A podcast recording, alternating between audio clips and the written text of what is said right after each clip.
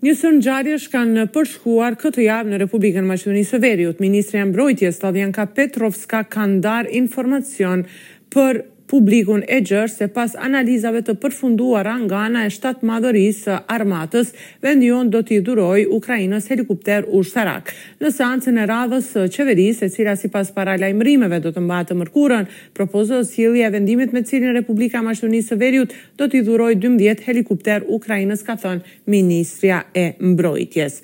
Ndërkaq vazhdojnë pakënaqësitë në grupin e të pakënaqurve të Bashkimit Demokratik për Integrim. Në mbledhjen e ardhshme të Kryesisë Qendrore do të kërkohet vazhdimi i debatit për llogaridhënien e ekzekutivit, ka thënë Blerim Bexheti, kryetar i Komunës së Sarajit, njëkohësisht Nënkryetar i kësaj partie. Tonet mes dy grupeve janë ashpërsuar pas tubimit të fundit të partisë në Çair, ku të pranishëm ishin mijëra qytetarë që prisnin liderin Ali Ahmeti e ku pati edhe kërcënime të quajtura mos i dilni trenit apo uraganit përpara sepse ju shkel.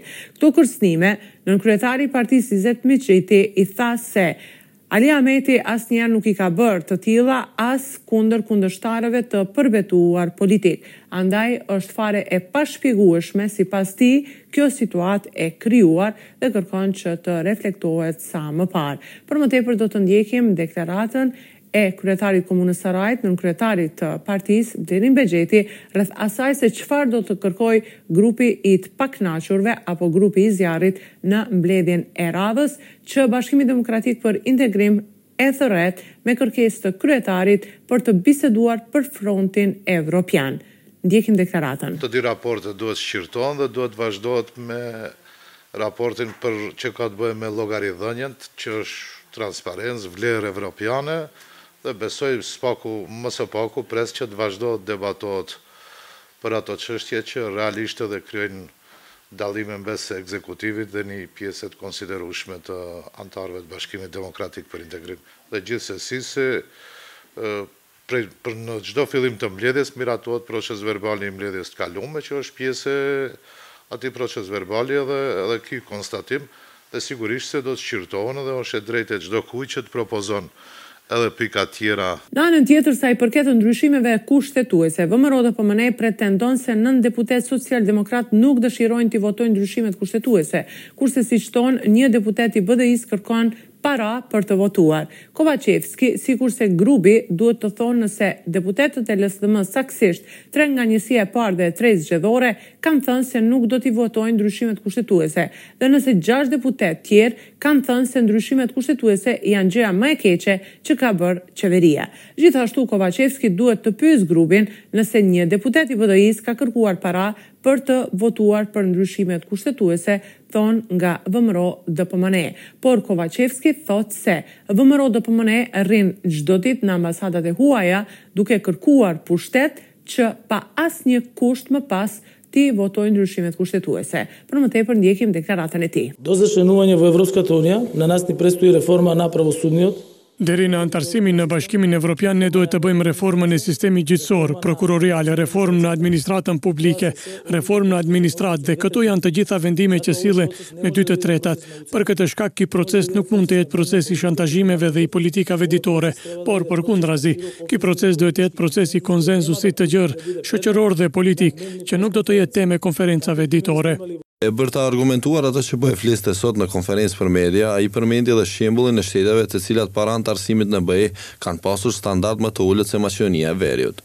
Koj e benefitot od začlenuvanje vo Evropskata unija. Cili është benefiti nga anëtarësimi në Bashkimin Evropian? Ju mirë e dini se ku ishin Romania, Polonia, Çekia, Sllovakia, por edhe Bullgaria që ishin pjesë e Marrëveshjes së Varshavës.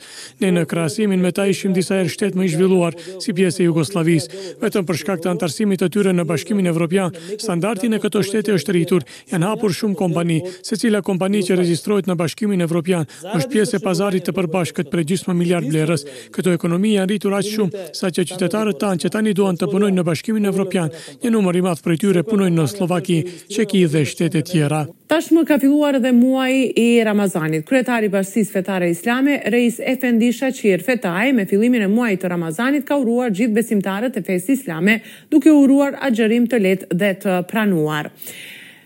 Gjithashtu edhe lideri Ali Ahmeti ka uruar të gjithë besimtarët e fesë muslimane duke thënë se ky muaj uron që të shtojë mirëkuptimin dhe besimin në mes njerëzve.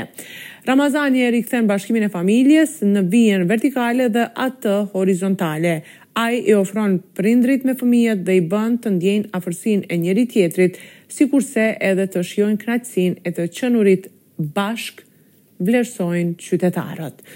E me datën njëzet e katër mars janë bërë plot dhjetë vite nga marrja e pushtetit në komunën e Kërçovës nga shqiptarët.